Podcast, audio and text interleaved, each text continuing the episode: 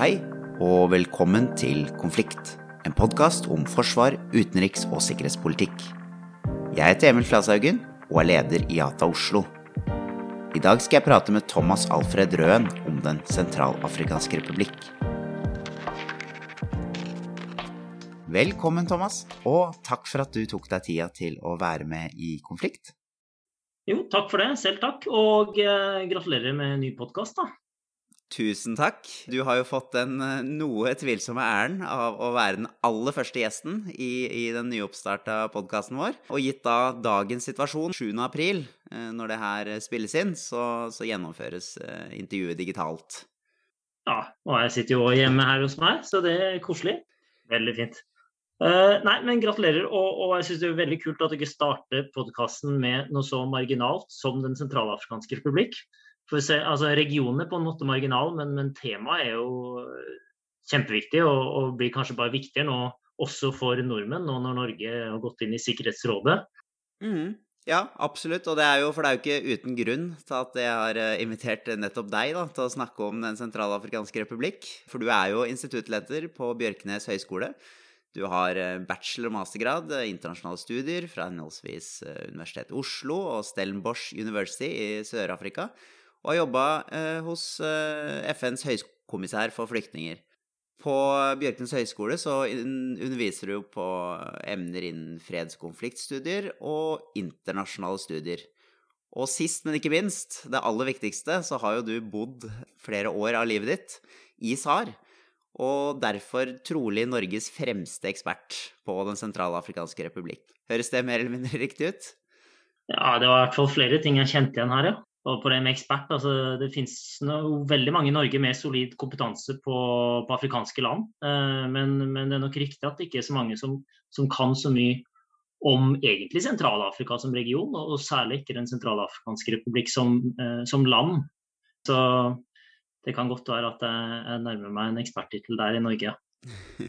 Ja, det, jeg tror da jeg leverte min uh, masteroppgave For det er jo grunnen til at jeg så gjerne vil ha deg som gjest. For du hjalp jo meg eh, i gang da, uh, med masteroppgaven min. Det var veldig nyttig. Så jeg tror da jeg leverte masteren min, så kalte jeg vel meg selv en av Norges fem fremste eksperter på Den sentralafrikanske republikk, og det tror jeg ikke var så langt fra sannheten. Da vi eh, hadde vårt første møte, så, så fortalte jo du en historie om da du egentlig plutselig befant deg eh, midt i starten av en borgerkrig i 2012, eh, og kom deg da ut av Den sentralafrikanske republikk ved å diskutere politisk filosofi med en sentralafrikaner. Hvordan gikk dette for seg? Ja. det ble en litt rar historie til slutt, det der, ja. Eh, men det, begynte vel julaften i 2012. Det her. Da var vi ned for å besøke mora mi, som, som var ned og jobba med det sykehuset som hun var med og starta da vi var der da jeg var barn. Og det var jo en veldig hyggelig anledning.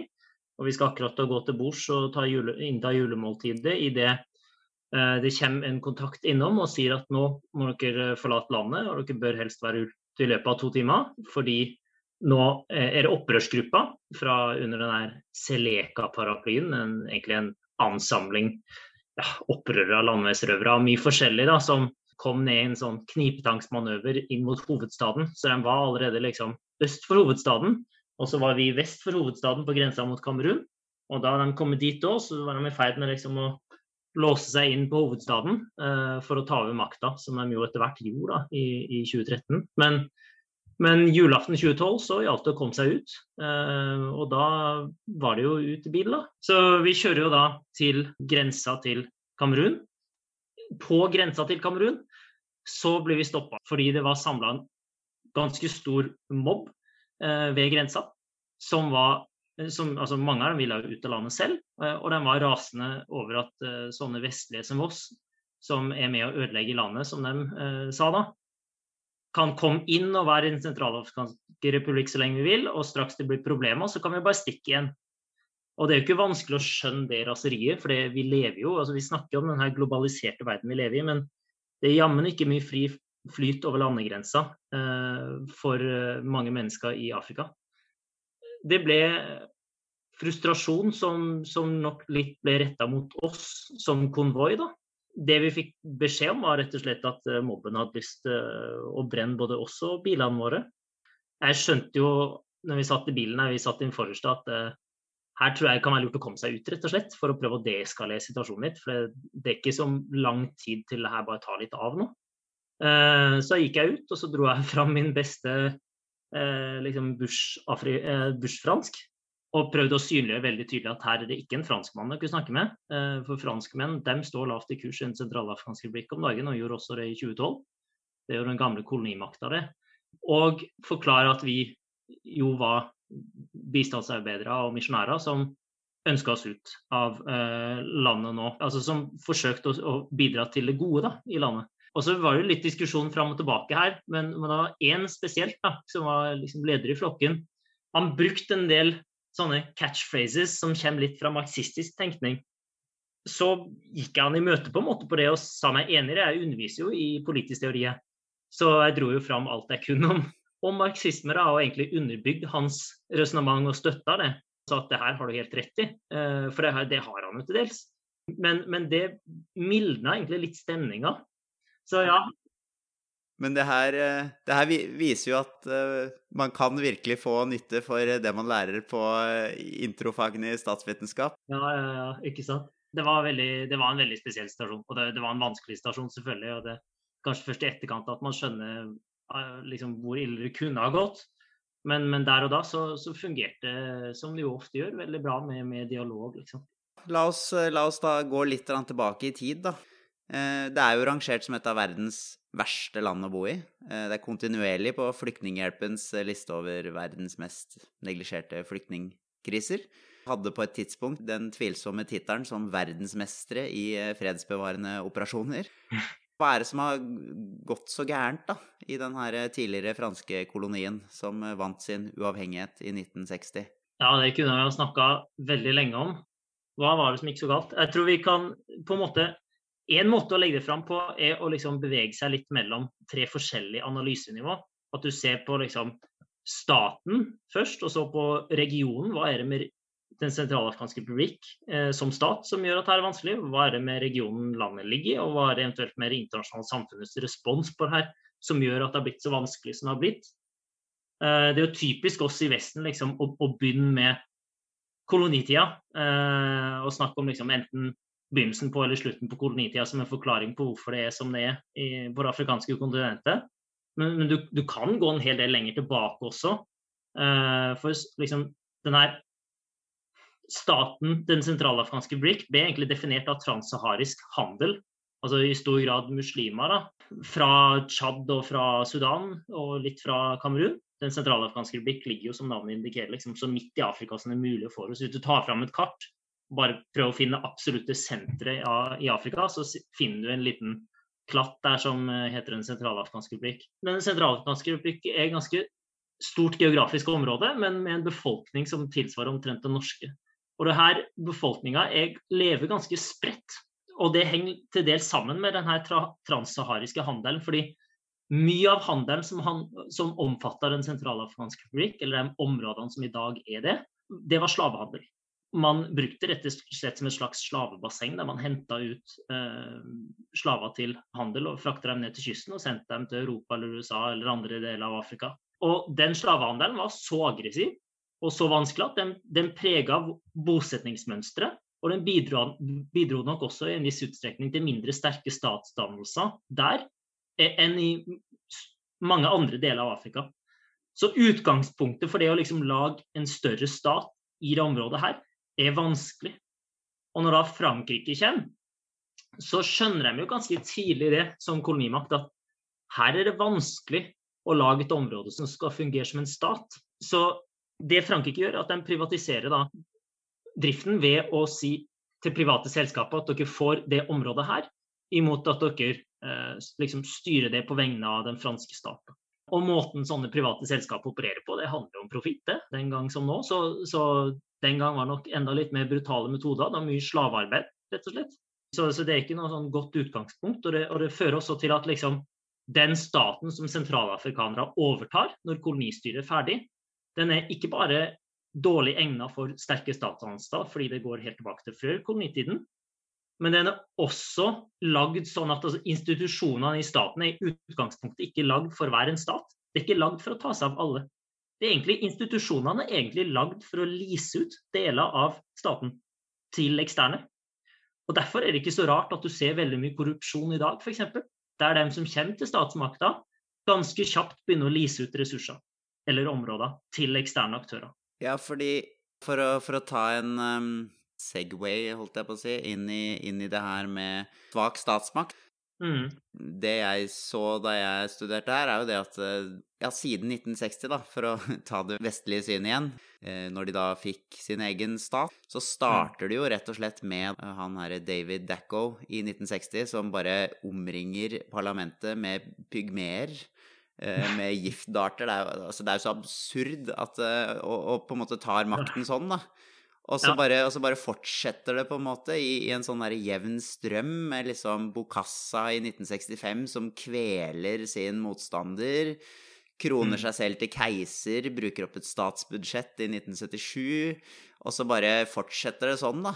Og det er på en måte, det, er bare, det virker som det bare ikke er noe Altså, de som kommer til makten, det gjør du ved å, ved å ta makten med, med, fysisk makt, da. Og, og Mm. gjerne da de som har støtte fra enten da Frankrike eller omkringliggende land.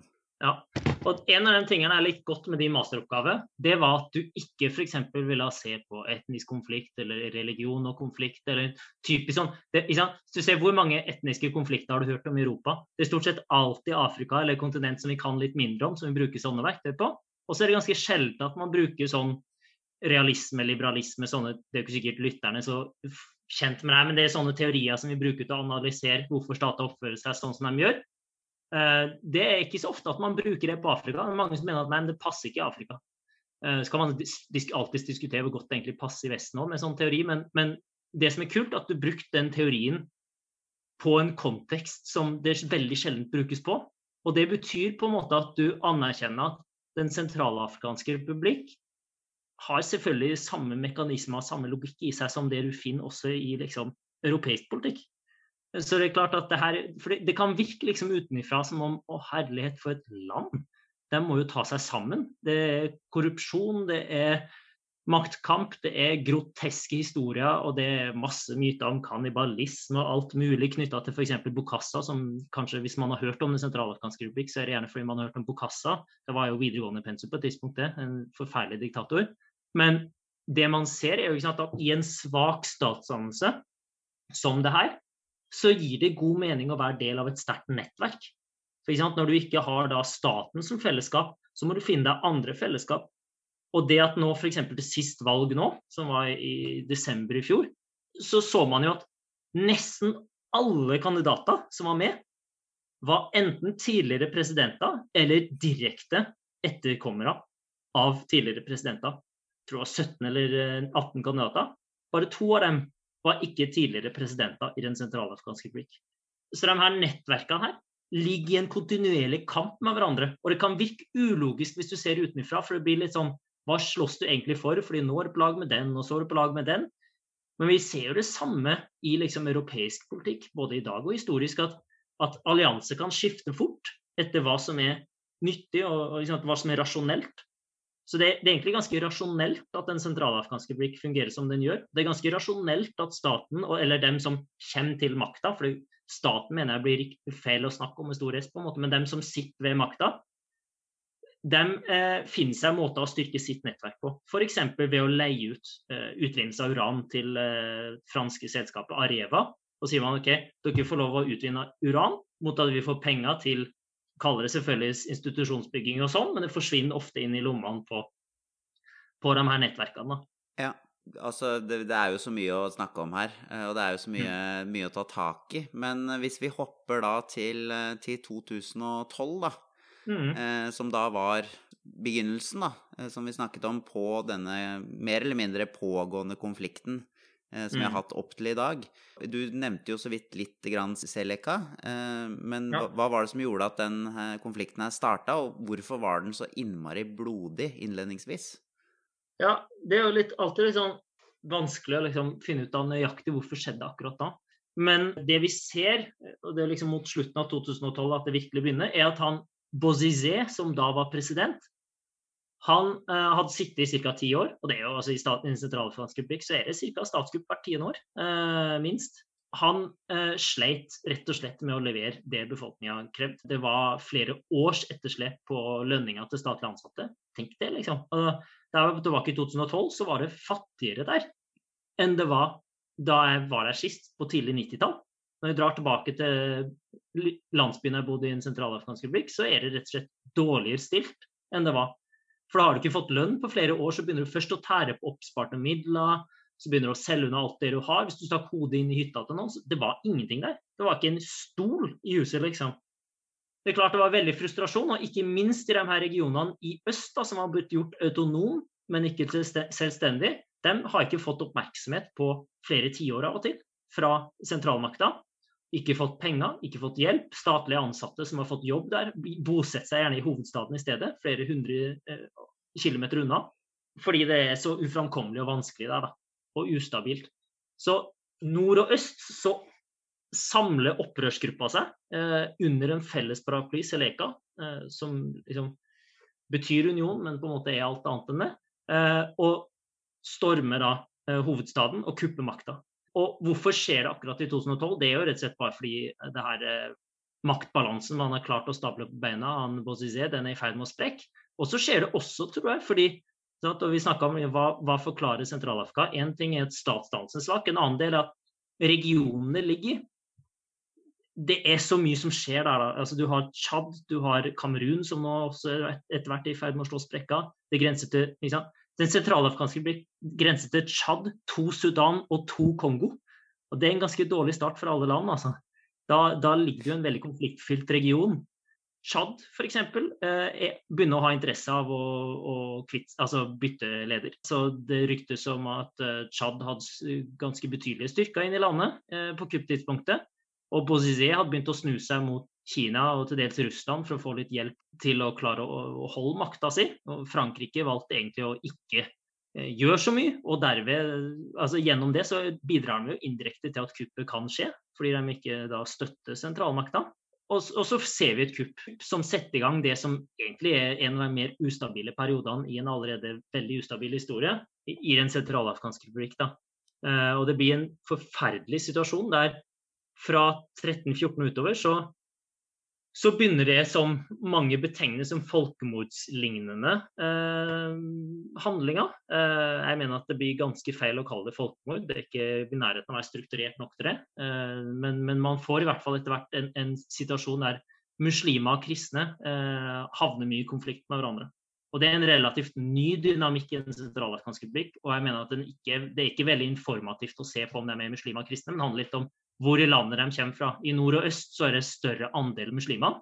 Det var mange seleka som var kristne, men, men, fordi de i hovedsak kommer fra områder der det er dominans av muslimer, sammenlignet med resten av landet, der det er 80% kristne og 20% muslimer, så ble liksom markøren for de gruppene at, at OK, seleka er muslimsk. Eh, og så blir det en sånn greie som aktører kan ha interesse av å spille på.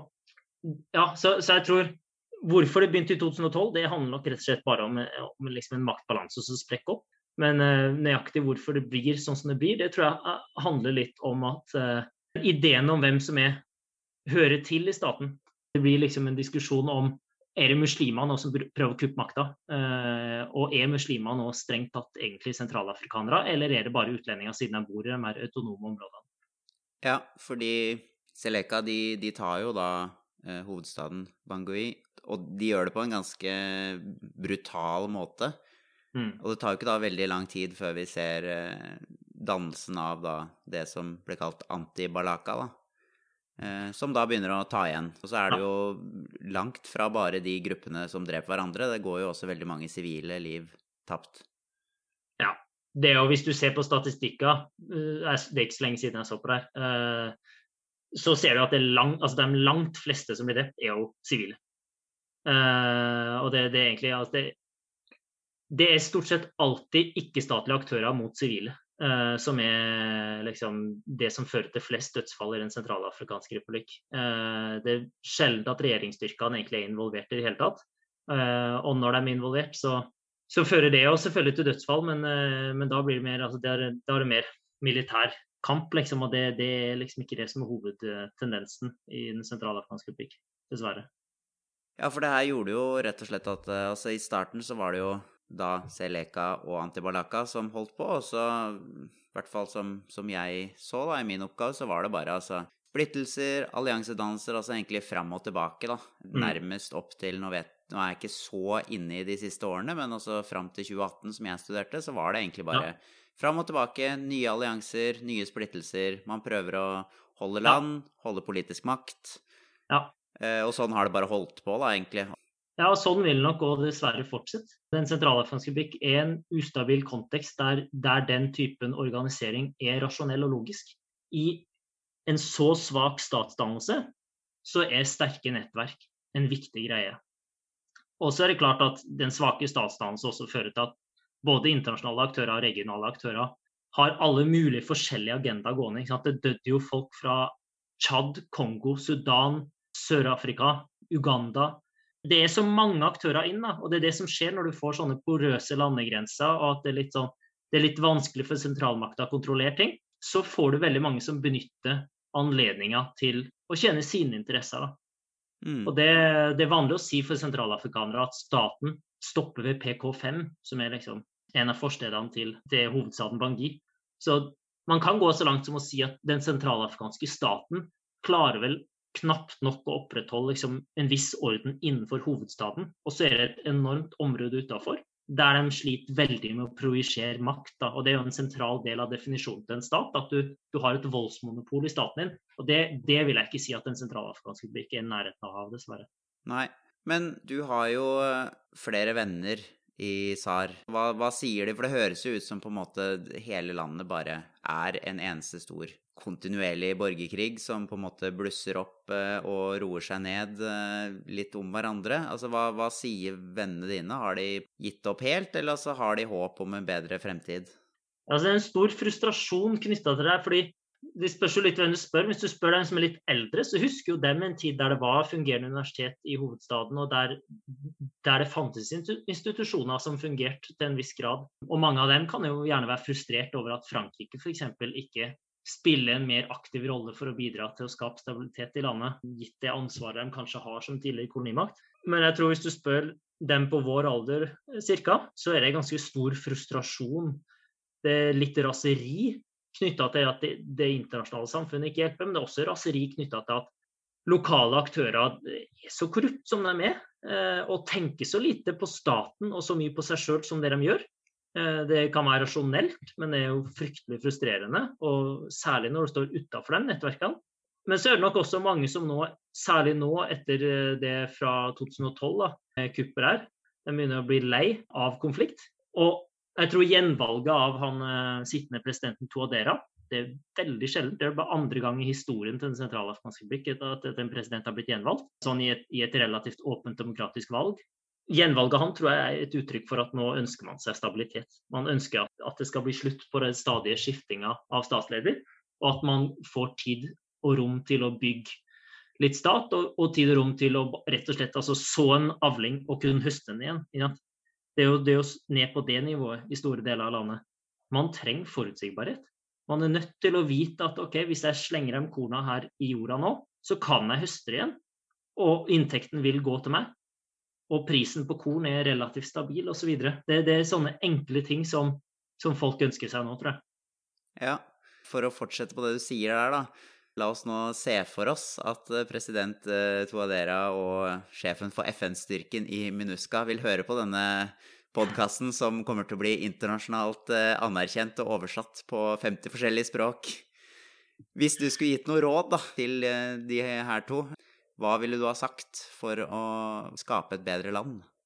Ja, ja, der statsministeren i Norge har institusjoner og på en måte verktøy som gjør at vedkommende kan faktisk utrette ting eh, fra posisjonen sin, så mangler jo gjerne statsministeren eh, eller presidenten i Den sentralafrikanske republikk det på samme måte. Så Det er litt vanskelig. Så både Enten du er president i Den sentralafrikanske republikk eller du er leder for MINUSCA, så står du overfor utfordringer som gjør at selv til dels uklanderlig lederskap fra din side fort kan bli utilstrekkelig. Da.